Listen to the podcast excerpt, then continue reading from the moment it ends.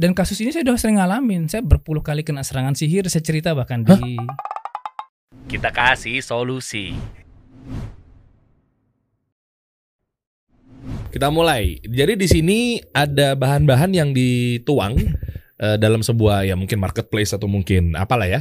Ada satu orang, satu akun, dia tulisnya cara membuat roti apa nih? Empuk roti ya. empuk tadi ya roti. Roti empuk ya. Ah, iya. Di sini ada satu, dua, tiga, empat, lima, enam, tujuh. Hmm. Nah, dari tujuh ini ya macam-macam ya. Susu cair full cream, gula pasir, ragi, telur, tepung terigu protein tinggi cakra, garam, Hmm. margarin atau butter. Iya. Dari sini gramasi yang salah berapa? Ada lima. Lima. Tuh, Lima. dua, enggak, empat, lima. Lah bener dua dong. Iya, yang bener tuh cuma dua. Itu gimana sih chef cara ngukurnya? Saya bingung. Iya, nanti. Oke. di, kel- di kelas itu ada kita kita belajar detail banget. Oke, oke. Jadi- Gini gini gini. Nah, maksudnya ngeliat resep aja udah bisa salah gitu. Iya. Ngaruhnya ke mana sebelum kita bahas ini? Keempukan. Satu kerasa nih nanti. Ini roti bakal asem banget. Satu itu. Yang kedua, begitu orang makan ini asam lambungnya naik. Hah? Iya. Taunya? Karena dari geraman bahan. Gitu. Oh bakal Nah. asam. Asam yang bikin asam yang mana? Gue blank gitu. Ada nanti di kelas kalau yang itu. Oke oke. Coba kita kritisi langsung ya. iya. Chef, eh, yang lima salah itu yang mana aja? Satu di gula pasir, Gula pasir ini tidak eksak. harusnya? Harusnya gram di situ. Dia taruh harusnya gram. Oh iya, bukan sendok makan. Iya. Karena beda-beda sendok Anda sama sendok dia, Yang sendok kita beda. beda. Itu satu. Yang kedua di ragi. Ini raginya ini overdosis banget. Hah? Overdosis 6 banget. gram tuh overdosis. Overdosis. Harusnya? Dikit banget sebenarnya dari itu. Saya tidak sebut angkanya tapi kita tidak pakai ra- ragi setinggi ini gitu. Ini yang menyebabkan asam lambung orang itu naik.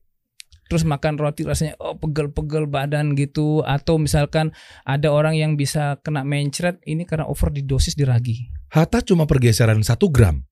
Iya, pergeseran itu pun beresiko. 1 gram. Iya, karena Misal, misal ya, saya kan nggak tahu angkanya berapa. Misalnya Ah. satu gram tuh artinya kalau tadi Chef Agus bilang overdosis, berarti Iya. kan artinya harus kita turunin. nah, Anggaplah 5 gram. Masa Hmm. bikin asam lambung naik se- pergeseran 1 gram, Chef?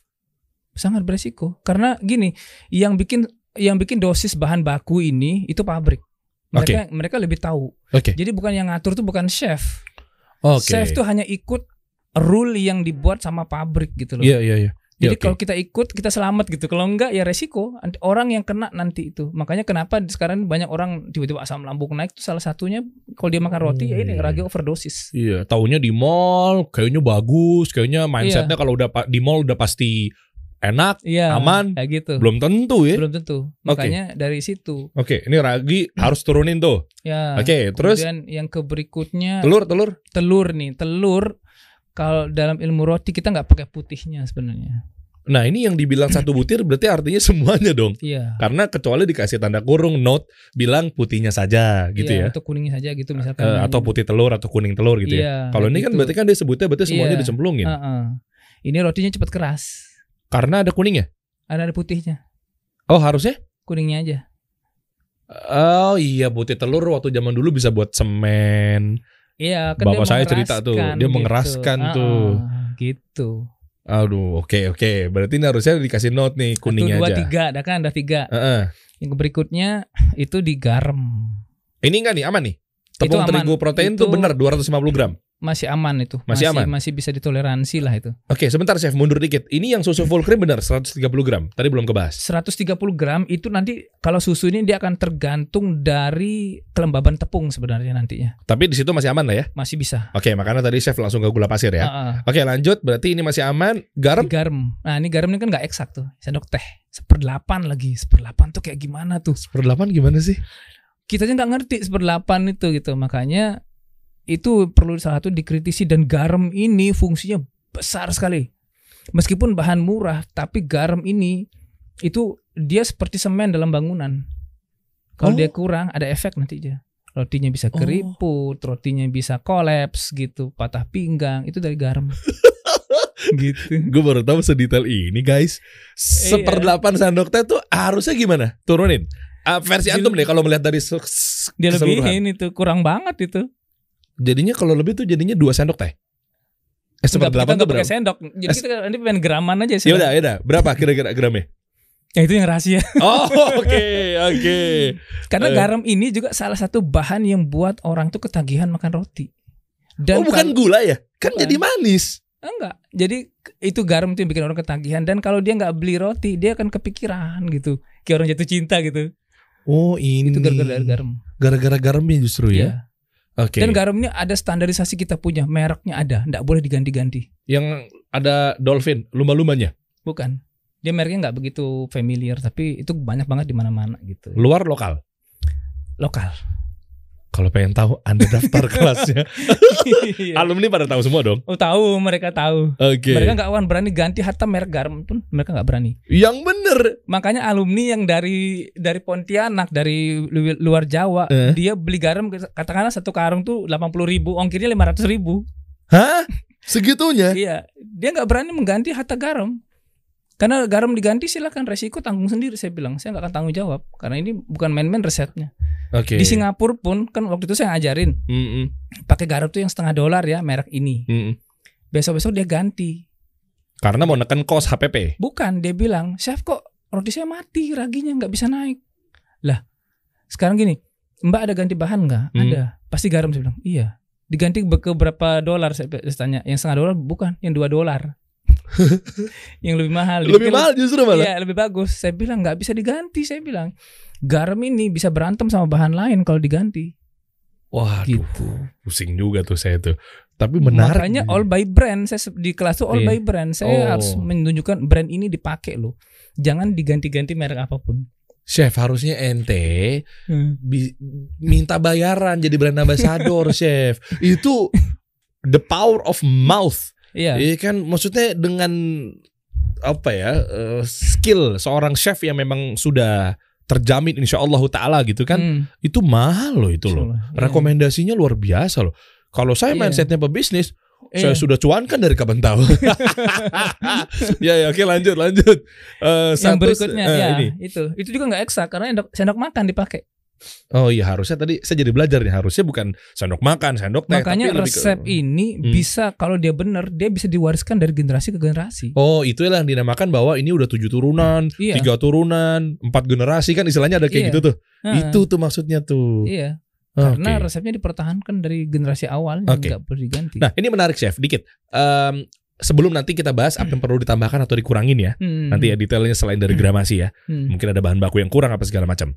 Hmm. Em, kalau gramasi yang terakurasi dengan tepat itu yang digital apa yang analog untuk timbangannya? digital Oh ada yang bilang digital katanya malah justru nggak akurat. enggak kita timbangan digital pun ada mereknya yang harus dipakai itu Timbangannya juga harus ada mereknya. boleh- iya Chef itu mah cuan semua itu. Kalau saya kan mindsetnya saya Iya. B2B-in semua itu. iya karena semua harus dengan merek itu kalau enggak ya Oh, makanya nggak heran saya, iya makanya nggak heran saya sekarang memiliki empat brand ambassador atau menjadi empat brand ambassador karena mindsetnya udah beda ya, mindsetnya udah Iya, beda. iya. Eh, Itu pilihan masing-masing lah guys. Ah, Ah, Artinya kalau ini kurang nggak? Ada yang perlu ditambahin nggak sebenarnya bahan bakunya?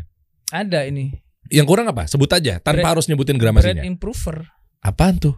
bread improver ini bahan yang membuat roti itu lebih empuk tahan lama tetapi dengan eh, efek kesehatan tuh nggak ada masalah tidak akan membuat masalah karena gini improver ini kan Aha. ada yang bikin masalah di kesehatan gitu loh Oke. bahkan istilahnya bikin sampai ke level kanker Hah? ada Bread improver? iya Apa? Coba ketik coba ketik aja bread improver di Google tuh. Ini eh, powder gitu. iya powder gitu dia. Makanya kita tidak bisa pakai sembarang merek bread improver gitu.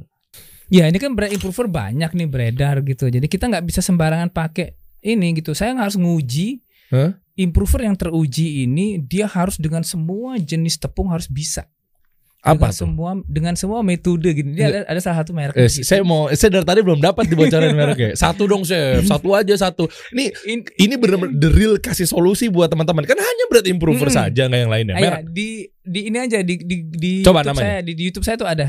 Eh, namanya aja dulu deh, langsung coba. Ini saya todong Oke di sini. ini di sini deh. Apa namanya? Yang yang bagus brandnya?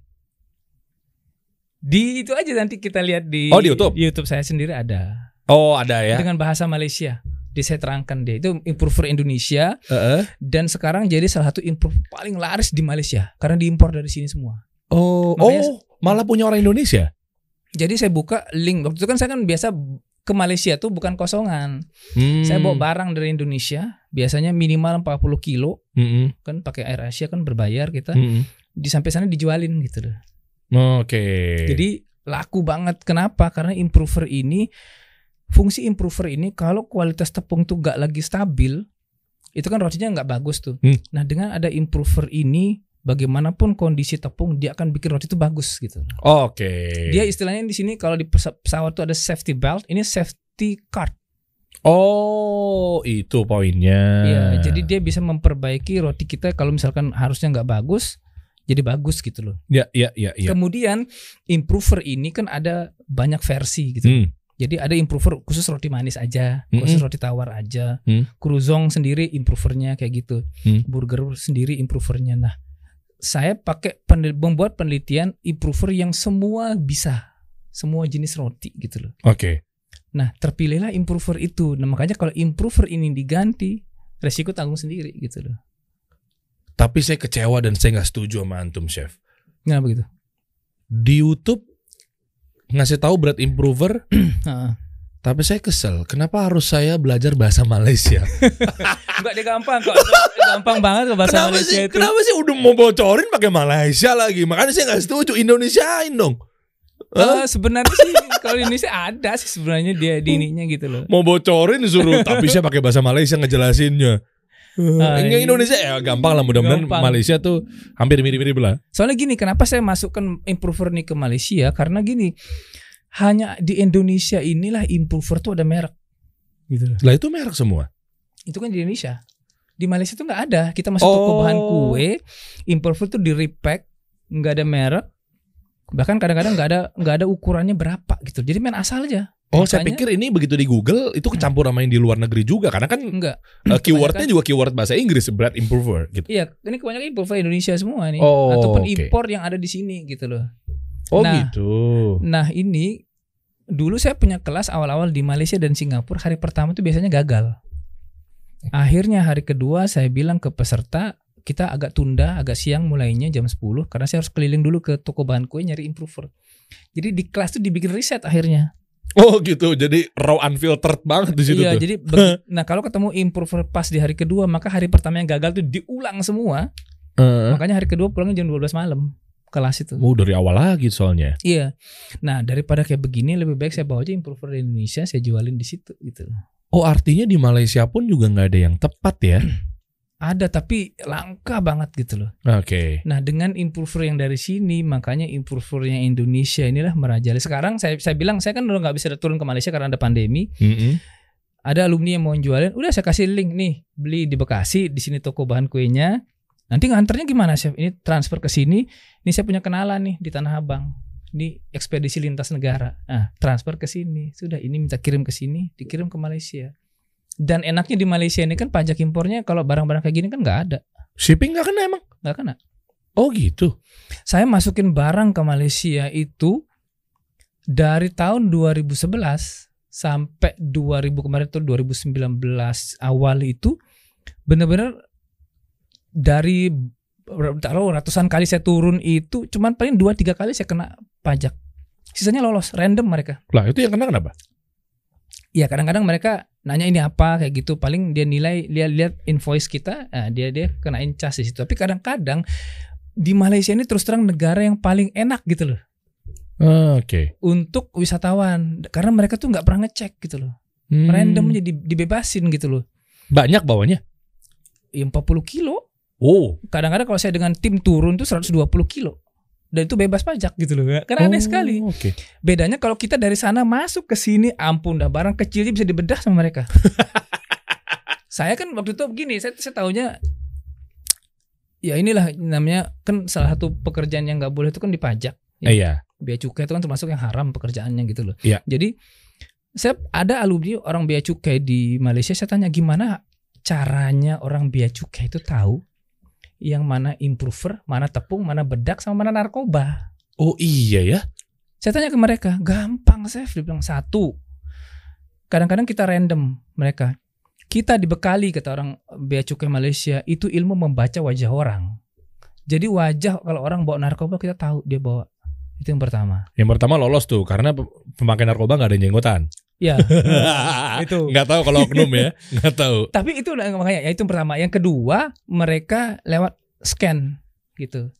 Jadi barang itu sebelum masuk ke bea cukai turun tuh kadang-kadang di scan dulu sama mereka gitu. Dan hasil scan itu bisa menentukan bahwa itu narkoba atau bukan. Iya bisa. Oke. Saya tanya dari mana? Kelihatan chef kalau bubuknya itu putih misalkan kayak misalkan kayak bedak atau improver atau tepung dia putih biasa.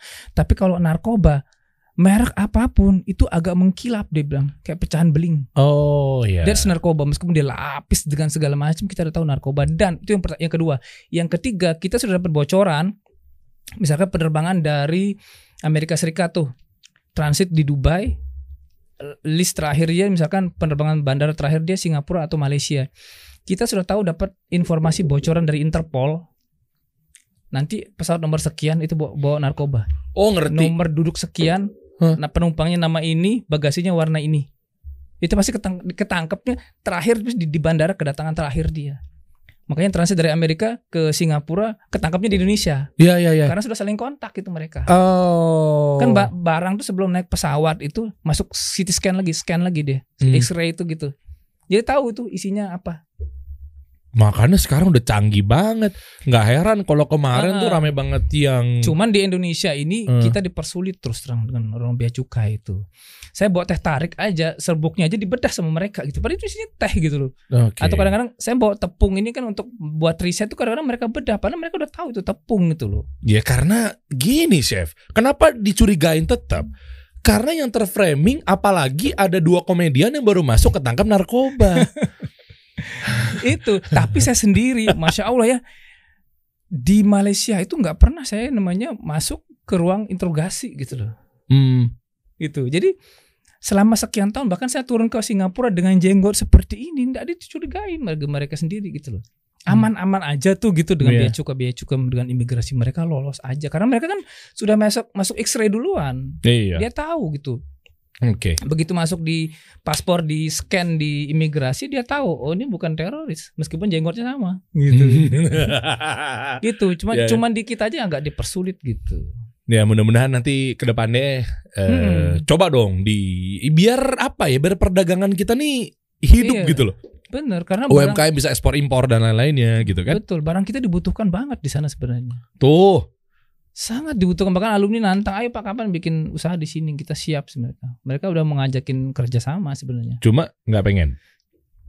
belum sementara se- sa- Nah. saat ini Nah ini menarik nih chef. Dikit nih Ah, kita iya. bahas Ah. mengenai Hmm. stigma konsultan atau mentor. Hmm, Oke. hmm, iya iya iya Nah stigma lo saya bilang berarti bukan tentu begitu Hmm. gitu kan. iya Nah, ada yang bilang kalau memang dia kerjanya konsultan, mentor gitu, malah ujung-ujungnya kalau dia bisa ngajar, kenapa dia nggak bisa usaha sendiri? ya oke Ah. Ah, iya Ini menarik di sini iya nih, betul ya kan? Ah. Nah, makanya nggak sedikit juga orang-orang yang membuktikan gitu, ada Hmm. pembuktian bahwa nih gue bikin nih, Iya. ya banyak ya, Ya, Hmm. misalnya ya banyak chef kan chef Juna juga baru bikin juga tuh Iya. usaha dan Ah, lain-lainnya. Saya nggak iya. bilang dia pembuktian apa enggak ya, Iya, iya. tapi maksudnya eh, yang terframing kan baru-baru sekarang-sekarang ini. Iya. Koreksi kalau saya salah. Ah, Ya, dan lain-lainnya. Ya mau mentor bisnis. Hmm, Kan ada yang sampai sempat muncul ke permukaan oknum saya bilang ada iya. penjual ludah. Wow, Hmm, iya, untuk betul. bisnis ya, Hmm. ya kan? Karena nggak terbukti katanya. Karena nggak terbukti. Nggak, jualan barang fisik nggak ada. Eh, eh, dia Iya. nggak ada punya usaha bisnisnya sendiri apa segala Iya, macam.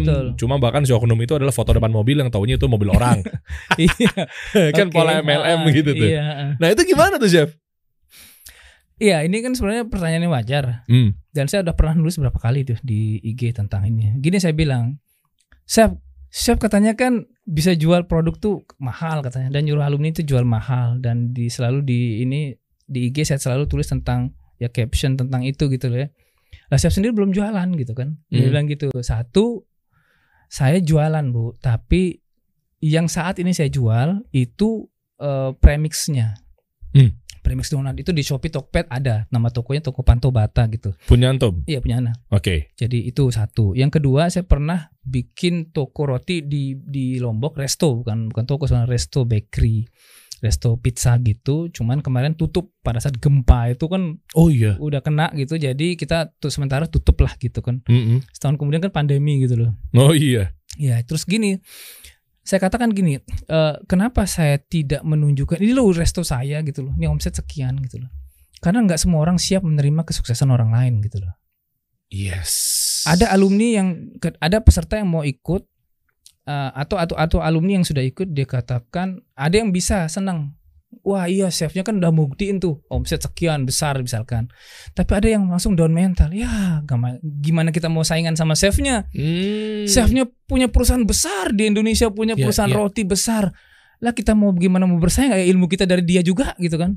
Oke. Akhirnya orang down mental nggak jadi usaha. Nah ini. Makanya saya bilang, kalaupun saya ada punya perusahaan di Indonesia atau di luar negeri pun, atau saya menjadi pemegang saham di beberapa perusahaan besar makanan di Indonesia, saya akan silent. Iya. Itu yang pertama. Jadi nggak perlu kita pembuktian publik. Kita nggak perlu diakui dunia gitu saya bilang. Kenapa? Karena karena nggak semua orang siap gitu. Kadang ada yang dengki justru malah Oh hasad. Iya. dan dan kasus ini saya udah sering ngalamin saya berpuluh kali kena serangan sihir saya cerita bahkan di di itu di WordPress itu kemarin saya juga udah cerita di situ Apa tuh? Kayak gimana gejala-gejalanya? banyak banyak banget lah saya jadi sudah bukan sihirnya bukan satu dua kali udah berpuluh kali dan saya hafal mana produknya yang rusak karena kualitasnya memang jelek dan mana yang kena sihir gitu Taunya karena antum menjaga zikir pagi petang. ya insya Salah Allah satunya? salah satunya gitu jadi kemudian kita tahu kan dari perubahan ya sekitar kita tuh udah kedetek banget gitu loh jadi makanya saya nggak mau mempublish saya punya usaha di mana mereknya apa seberapa besar berapa omsetnya saya nggak mau publish sih jadi biar orang kenal saya itu sebagai pengajar aja gitu gitu Wah ini masukan yang baik nih. Ajib nih. Jadi- Masya Allah. kita istilahnya jangan ikut apa kata dunia. Hmm. Kita jangan didikte hidup kita oleh orang lain. Kita harus begini, harus begini, begini. Enggak, kita jadi diri kita sendiri. Makanya banyak ya saya katakan perusahaan-perusahaan besar tuh CEO-nya atau ownernya itu bahkan mereka nggak mau dikenal publik. Kenapa? Kadang-kadang mereka naik pesawat ekonomi. Hmm. Tapi ketika kadang kita kita bicara loh ini kok orang lulusan eh, luas banget pandangannya nanti terakhir-terakhir dia akan kadang-kadang dia saya ininya dia bilang gitu CEO kita baru kaget gitu Oke. karena orang yang betul-betul kaya dia nggak pengen terlihat Yes. kaya Yes. dia yes. ingin privilege privacy yang orang lain tuh nggak perlu tahu dia siapa gitu loh dan bahkan di perusahaan-perusahaan besar kalau di luar negeri CEO-nya bahkan dan ownernya ini turun ke frontliner ngelamar kerja Untuk jadi tukang sapu, jadi Oh. satpam. jadi tukang bakso megang HT. Iya, oh jadi- jadi jadi Intel. Jadi jadi seperti itu. Mereka Eh. ingin tahu masalah sebenarnya terbesar dia di perusahaan itu apa dari level frontlinernya. Oke. Jadi kasirnya gitu misalkan di perusahaan-perusahaan besar makanan lah gitu. Jadi Oke. Bahkan dia kadang-kadang dimarahin sama manajer cabang itu. Dan manajer cabang nggak tahu dia CEO gitu di situ. Karena kantor pusat bilang, "Eh, besok ada yang ngelamar kerja ya, namanya ini sudah kita terima." gitu. "Oh iya. Pak." gitu. Orang kantor pusat pun kadang-kadang nggak tahu dia tuh CEO-nya gitu loh. Oh sampai segitunya ya? Iya. Karena Oke. CEO di level-level kelas atas ini mereka merahasiakan. Hmm. Paling hanya jajaran direksi yang yang tahu dia CEO di situ. Tapi ada juga yang terframing bahwa CEO-nya ada yang muncul. Iya ada, Ya, ada. Oke, ada. beda-beda strategi ya. Beda strategi. Makanya Oke. di perusahaan-perusahaan yang besar yang mereka punya, kita punya ada eh, rencana target tahun depan nih sekian ratus ribu cabang buka seluruh dunia gitu. Mm-mm. Jadi mereka tuh nggak pengen ditahu gitu sebagai seorang CEO. Jadi dia akan bergerilya sendiri, kemudian merubah penampilan kayak gitu, Hmm. dibikin agak-agak tua kayak gitu. Jadi Oh, Oke. Jadi dia rubah penampilan untuk tahu masalah sebenarnya di lapangan itu apa sih masalah karyawannya Oh, gitu. Jangan-jangan Chef Agus ini adalah yang punya Master Chef Indonesia atau bahkan atau bahkan dunia atau jangan-jangan antum ini Makanya gitu, itu, Eh. itu memang seperti itu gitu. Eh. Di level-level mereka itu seperti itu. Makanya saya bilang saya terserah kalau Anda mau ikut kelasnya monggo. Ini ada satu dua alumni yang bersedia dibuka untuk publik. Oke. Ini bisa dirasain rotinya gitu loh. Oke. Makanya saya kasih garansi, saya bilang nggak usah ikut kelas saya dulu. Saya bilang saya kan jualan jualan premix tuh. Heeh. Di Tokped sama Shopee. Cuman premix donat aja. Kok premix donat kan kenapa nggak nggak rotinya gitu? Karena donat ini representasi dari roti. Kalau di donat aja enak, apalagi di roti gitu loh. Oh, Itu yang pertama. Yang kedua, dia kan nggak perlu oven. Cukup penggorengan sama mixer aja bisa sebenarnya. Premix tuh bahan baku ya? Iya bahan baku keringnya gitu loh. Nanti Pre- bahan eh, oh premix tuh bukan nama bahan baku. bukan. Jadi kayak misalkan Premix kalau merek itu misalkan kayak Pondan. Pernah gue denger di, Pondan tuh apa lagi? di di ini di boleh boleh yang meres- representatifkan saya nggak nih? gini gini. Jadi kalau kita misalkan kita beli Eh, di to- di supermarket terutama eh. ada premix Black Forest, kue bolu. Prisa. Bukan, bukan perisa, premix. Jadi bahan kering misalnya tepung, gulanya, garamnya Oh, oke, masuk oke. dalam situ. Oke oke oke oke Nah, oke. itu yang dijual, di dikotakin gitu kalau Oke. di, di di supermarket gitu. Oke. Nah, itu yang saya jual. Oh, dengan nama brand Antum. Iya, Oh, pakai oke. pakai pakai nama di situ Pantobata. Di- Pantobata tuh nama jadi premixnya merek apa? Merek Pantobata. Enggak, Ah, bukan. jadi bukan. Jadi jadi tokonya namanya Pantobata Oke, gitu loh. premixnya eh, umum Premix, aja.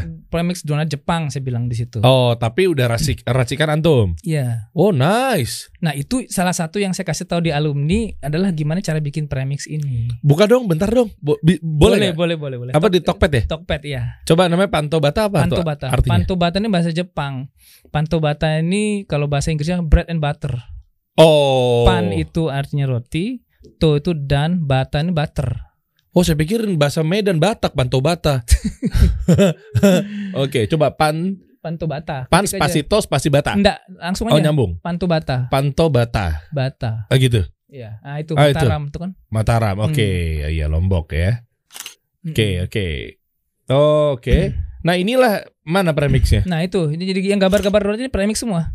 Yang gambar roti. Gambar donat, gambar donat. Eh, gambar donat. Yang oh ini Nah. ah, itu ya. Sama aja mana, mana, mana, coba sama- klik-klik aja nih. Nah, itu contoh salah satu Ya, itu. Ini Nah, ini. Jadi yang dijual tuh premix tuh bubuknya. Iya bubuknya. Nanti mereka tinggal nambahkan bahan basahnya aja. Cuman bahan basah kita atur. Satu gramasi kita atur. Yang kedua mereknya harus itu saya bilang. Loh kok bisa harus itu sih? Nggak bisa merek yang lain Chef. Ibu pakai merek lain silahkan. Tapi kalau nggak enak saya lepas tanggung jawab ya saya Oke. bilang. Oke. Jadi kita bikin kuncian mematikan dia. Udah ke kekunci dari situ dia. oh ini yang tadi disinggung di awal Iya. mengenai kuncian mematikan. Iya harus pakai merek itu bu. Saya tenang, saya nggak akan di endorse. Saya nggak di endorse. Saya bilang dengan merek itu. Tapi itu yang saya teliti bagus. Saya bilang gitu. Nah terus saya kasih cara buatnya. Oke. Gitu. Nah, ini menarik, Chef. Kalau tiba-tiba qadarullah si brand tersebut tutup, bangkrut, Hmm, sementara antum udah mengabarkan kabar baik ini ke Hmm. lima ribuan orang misalnya, hmm. tiba-tiba itu menjadi penghambat mereka nggak ketika mau mencari Nggak, bahan baku kita tersebut? punya cadangannya. Oh, Kita udah siapin cadangannya. Oke, oke, oke. Jadi kalau misalkan suatu saat bermasalah, produknya kualitasnya turun, nah kita punya penggantinya. Iya. Oh ya benar ya. Jadi nggak harus tutup, maksudnya kualitasnya Nggak. turun. Iya. Mungkin dia kita kita nggak tahu oknum kan. Iya betul. Dia menekan cost dia sendiri Iya. dengan memilah-milah bahan baku yang ada Hmm. biar lebih murah, tapi Iya. outputnya nggak bagus. Saya komplain biasanya kalau misalkan produknya turun saya langsung komplain ke saya tolong sampaikan ke kantor pusat saya bilang. Ini penggunanya ribuan saya bilang. Kalau ini bermasalah saya pindah ke merek lain ini turun saya bilang penjualan. Oh, iya. Gitu. Heeh. Saya bilang ke gitu. Oh iya Pak, saya kita sampaikan sampaikan ke mereka gitu. Oke. Jadi gitu. Saya Oh, bilang oke. ini saya yang mempromosin barang ini selama ini sehingga di banyak supermarket ah, bisa kosong saya bilang. Alumni saya cuman tolong dijaga baik-baik saya bilang ini beberapa waktu saya bilang ini sempat turun kualitasnya saya bilang. Hmm. Kenapa bisa begini gitu bilang. Ini kalau dirubah produk kami berubah semua rasanya saya bilang dan Hmm. kita yang kena komplain dari customer saya bilang. Oh, Oke. Kalau nggak bisa jaga kualitas saya bilang saya harus pindah ke merek lain saya bilang gitu loh. Karena saya merasa tidak di, tidak di endorse pun saya ngomong bebas gitu loh. Ya, ya, ya, ya. Itu saya bilang ke mereka gitu. Oke, akhirnya penanganannya cepat ya. Eh, cepat mereka. Oh iya, pasti ada jalan naik turun lah ya namanya juga kan. iya, Ya, itu ya. cuman ya itu saya nggak mau di itu. Tadi saya mendengar kata menarik nih. Eh, Ada beberapa customer eh, beberapa alumni-alumni saya ntar yang buka di restoran, mall apa segala macam turun. Artinya banyak juga ternyata ya. Apanya? Eh, Alumni-alumni yang sampai di mall apa ya. Wallahu alam saya yang kalau yang di mall saya belum tahu siapa karena gini Hmm. masalahnya alumni pun tidak cerita merek mereka apa. Iya. Kedua mereka juga tidak tahu mereka tidak cerita juga omset kecuali mereka hanya konsultasi aja. Oh, jadi oke, saya nangkap nih. Ikutan Hmm. kelas pun juga mereka nggak bawa bendera itu ya? Tidak. Oke. Saya nggak tahu mereka usahanya seberapa besar, usahanya usaha apa. Kalau misalkan usaha punya usaha bakery pun bakerynya merek apa pun saya nggak tahu gitu. Dan saya nggak mau cari tahu kenapa udah terlalu banyak urusan konsultasi yang nggak habis-habis gitu di Iya. handphone. Tiga negara lagi gitu kan. Tiga negara. Total Iya. berarti sekarang ada berapa negaranya yang lagi dipegang nih? Empat. Alumni empat, Empat, negara. empat tambah dua enam jadinya. Duanya apa tuh? Selain yang di baju antum nih ada Amerika Indonesia. sama Australia. Amerika juga belajar sama ente. Iya. Bahasa Indonesia bisa dia. Enggak dia kebetulan orang orang Indonesia yang udah lama di sana gitu loh. Oh, Terbang ke sini untuk belajar. Oh, oke, bukan Gak nama- tahu gimana tahu, tahu dia tahu dari mana sih Eh. juga nggak tahu kan karena kan iklannya kan nyebar begitu. Iya, dia malah nggak belajar sama chef Amerika itu sendiri, malah ke sini. Iya. Gimana cara daftarnya sih, chef? Anda jadi penasaran nih, klik di link aja. ya? Iya di situ kan di salah satu status IG itu kan langsung ada nomor WhatsApp itu. Ada ya. Nah, eh, coba-coba ke akunnya lagi dong, chef Agus Jamari. Itu, Iya. Nah ini. Eh, oh di sini. Iya itu kan WhatsApp. Coba klik dong, langsung klik dong. Masuk ke Klik itu dong, langsung nih? ke WhatsApp itu. Eh, kan. Nah itu Coba continue to chat. Ke mana tuh? Oh langsung masuk ke klik, langsung masuk, masuk, ke ke. akun. Eh, iya ke ini ke WhatsApp saya sendiri. Oh, oke Gitu. oke. Ya, Nice nice. Berapa sekarang bukanya? Delapan setengah. Delapan setengah juta. Ah. Harusnya 15 Baik Iya bener. masih masih tak murahin dulu. Oh gitu. Iya jadi saya saya ngelepas kelas itu dengan sistem lelang bukan tender. Kalau tender kan makin murah. Iya. Ke sini makin murah. Hah? Kalau sistem lelang makin lama makin mahal gitu loh. Jadi karena karena ada orang yang kalau dikasih murah nggak suka dia. Ketika dikasih mahal dia ikut gitu. Oh gitu ya Ini tipikalnya. psikologi manusia seperti itu. Iya iya iya iya. Makanya saya bikin seperti itu. Karena ada prestis juga dan lain-lainnya. Iya. Sip. Nah, seperti itu. Masya Mantap. Allah. Delapan setengah juta guys. Masya Insya Allah iya. bisa mendapatkan. Wow. banyak banget jadi ilmunya bisa diwariskan dari generasi ke generasi kayak gitu. Eh, Kemudian saya bilang kan suatu saat siapa yang tahu gitu loh salah satu merek dari alumni kita itu dibeli perusahaan asing. Uh. Karena kan di di Indonesia ada merek kecap yang dibeli perusahaan Inggris dan sekarang jadi merek terkenal. Apaan tuh? Eh ya gambarnya burung itu kan. Oh itu. itu nilai akuisisinya miliaran, ratusan miliar. Perusahaan Inggris sanggup membeli soalnya apa? Daripada mereka bikin kecap sendiri, Hmm. ngeriset sendiri capek. Lebih baik riset aja semua pabrik kecap di Indonesia mana yang paling enak. Ya udah kita akuisisi itu. Iya mereka begitu. Iya. Eh, kapitalis begitu kan. Iya. Mainnya. Daripada capek-capek kan. Eh, gitu. eh, dengan bener. dengan target sekian ratus, eh, per- misalkan sekian persen eh, market share kompetitor anjlok. Oh iya jelas. Bahkan ada juga sistemnya seperti ini. Ada. Ini Ah. ini gak usah sebutin namanya. Kalau gue sebut pasti lu tahu. Atau bahkan kalau gue cerita ini lu tahu deh kisah-kisahnya. Eh, Sempat rame kan. iya. Ada satu perusahaan. Oh gede banget. Kita sering ya makan lah. Hmm. Itu kan dia ngambil mengakuisisi eh, kompetitor-kompetitornya. Ah, iya, disuntik iya, iya. mati Ah. sehingga dia berdiri sendiri. Hmm, hmm. Gokil. Ada tuh yang begitu-begitu tuh. Iya, strateginya kan Wih, banyak. disuntik, diambil-ambilin, Ah. valuasinya ratusan miliar, ratusan miliar, ratusan miliar. Ah, Dia merasa ada pengganggu di situ. Iya. Ya, kita nggak lagi bahas hukum ya. Iya, iya. Kita lagi menjelaskan metode bisnis yang berkeliaran di muka bumi ini gitu ya. Ah. Ternyata udah disuntik-suntikin matiin tuh atau bahkan stoknya dihabisin. Ada juga yang begitu. Allah. Di kasus lain Oh, iya, iya. dibeli banyak, Hmm, hmm. dibeli banyak. Agar apa? Supply-nya nggak nampung demand. Ah, iya, Ada iya, tuh, iya. dibeli Ah, banyak semuanya. Semua distributor seluruh Indonesia di Alfamart, Indomaret Ah, iya. sampai nggak akan ada dibeli kecuali semua warung-warung juga dibeli. Dia udah siapin modal berapa Iya. ratus miliar atau triliun gitu. Ah, Habis, Iya. nah udah nggak bisa produksi lagi simpen di gudang. Ah, iya, iya. Dia semua udah dia bingung, demand lagi tinggi. Ah, Kan dia produksinya butuh proses kan? iya, iya betul. Demand Ah, tinggi ke sini semua. ah. Habis demand tinggi udah collab, goyang, diambil aja Hmm. akuisisi, suntik mati, selesai. Oh, ngeri-ngeri banget tuh Ngeri, ya. sekarang. Iya, Nah makanya besar. setuju tadi chef bilang bahwa eh, ya kalau terlalu banyak dikasih tahu malah khawatir yang nggak cuma sihir ya, Iya. tapi boro-boro orang yang nggak bisa punya ilmu sihir pun juga main kayak gitu juga Iya. bisa juga tuh. Makanya dalam hal bisnis ini kita banyak strategi gitu loh. Nggak bisa semua dipublish gitu. Ya Hmm. kalau untuk resep-resep seperti ini memang harus dipublish karena kita nyari trust publik itu kan lama gitu. Hmm. Jadi kita kasih tahu semua rahasianya sehingga antara kita tuh nggak ada rahasia lagi gitu loh. Wih, tidak ada dusta di antara kita. Iya. Nah Eh. nanti masing-masing besar dengan brandnya sendiri gitu. Dan suatu saat saya bilang kita punya target satu. Mudah-mudahan kita bisa tur ke Jepang. Kita, Wih. bukti, kita buktikan bener nggak sih roti KRJ itu minimal sama dengan di Jepang atau bahkan lebih enak gitu. Kalau lebih enak dia kayaknya ganti nama jadi roti Indonesia. Jepang sendiri ganti nama roti Indonesia Bisa, jadinya. Saya bilang yang kedua itu bisa menggerakkan industri penerbangan tuh. Ya. Alumni sekian banyak itu bisa charter berapa pesawat Oh gitu kan. iya. Bener. Dari situ itu belum dengan mahromnya saya bilang. Wih. kita buktiin saya bilang suatu saat nanti ketika pandemi selesai insya Allah saya bilang Heeh. kemudian suatu saat kalau alumni ini besar besar besar kita bikin brand bareng yuk bareng jadi ini sesama alumni jadi pemegang sahamnya Uh, funding ya kita pemegang saham semua di situ ya. iya jadi makanya saya, saya punya target setiap alumni pancang dalam kepala ini kita bisa haji furoda sekeluarga. Masya Allah. makanya itu yang saya selalu target di setiap caption yang saya tulis Mm-mm.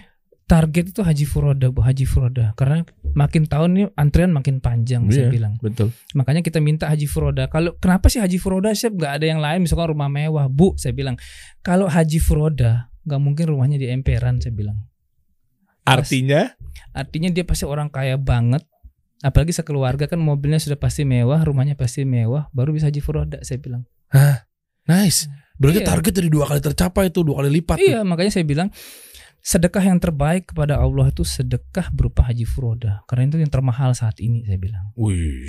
Dan ini kan visanya undangan kerajaan Saudi Arabia bukan visa Iya, sembarangan. Makanya saya betul. bilang dengan haji furoda ini kita bisa mencapai banyak hal saya bilang. Dan Mm-mm. saya ingat perkataan seseorang dulu dia bilang dia mengatakan begini, dia hidup di zaman ketika ya generasi baby boomers dia bilang saya nggak pengen tinggal di kampung di atau di di tengah eh, perkampungan yang padat penduduk Mm-mm. dengan jalan yang sempit. Kenapa? Ketika ada seorang bertanya begitu, karena katanya ini, ini, ini beliau- menurut beliau Mm-mm. rezeki seseorang tuh tergantung besar jalan di depan rumahnya. Oh, oke. Makin besar jalan rumahnya, makin besar rezekinya. Makanya saya baru berapa tahun kemudian saya baru berpikir, oh pantas komplek perumahan tuh jalannya besar-besar. Kalau perumahan yang besar mewah ya, Iya. artinya ya berarti memang iya 6 meter 10 meter biasa Iya. gitu tuh. Jadi sesuai dengan rezekinya. Jadi berarti kita pikir dan dan dan Allah kabulkan. Hmm. Dan saya saksi hidupnya. Saya lihat orang ini dulu jadi tukang nimbang gula gitu ya di pasar, tepung, telur. Sekarang rumahnya di pinggir jalan besar dengan 1000 meter gitu. Rumah. Tapi ma- tapi beliau sudah meninggal sih jadi Oh gitu. Tapi artinya apa? Mindset dia, keyakinan dia kepada Allah tuh betul-betul kokoh gitu. Di saat orang lain tidak berpikir seperti itu gitu. Oke, oke, oke, nice. Jadi pencapaian kita tidak akan mampu mela- melampaui alam pikiran kita gitu loh. Hmm. Kalau kita punya target 10, ya paling tercapai segitu. Tapi kalau kita punya target 100 atau 1000, kita pasti akan melampaui jauh di atas 10 itu. Oke. Dan nggak mungkin lebih dari itu gitu biasanya. Hmm. Karena itulah doa kita kepada Allah. Karena mindset kita seperti itu gitu dan Allah kabulkan gitu loh. Makanya founder negara kita Pak Soekarno mengatakan bermimpi kalian setinggi langit.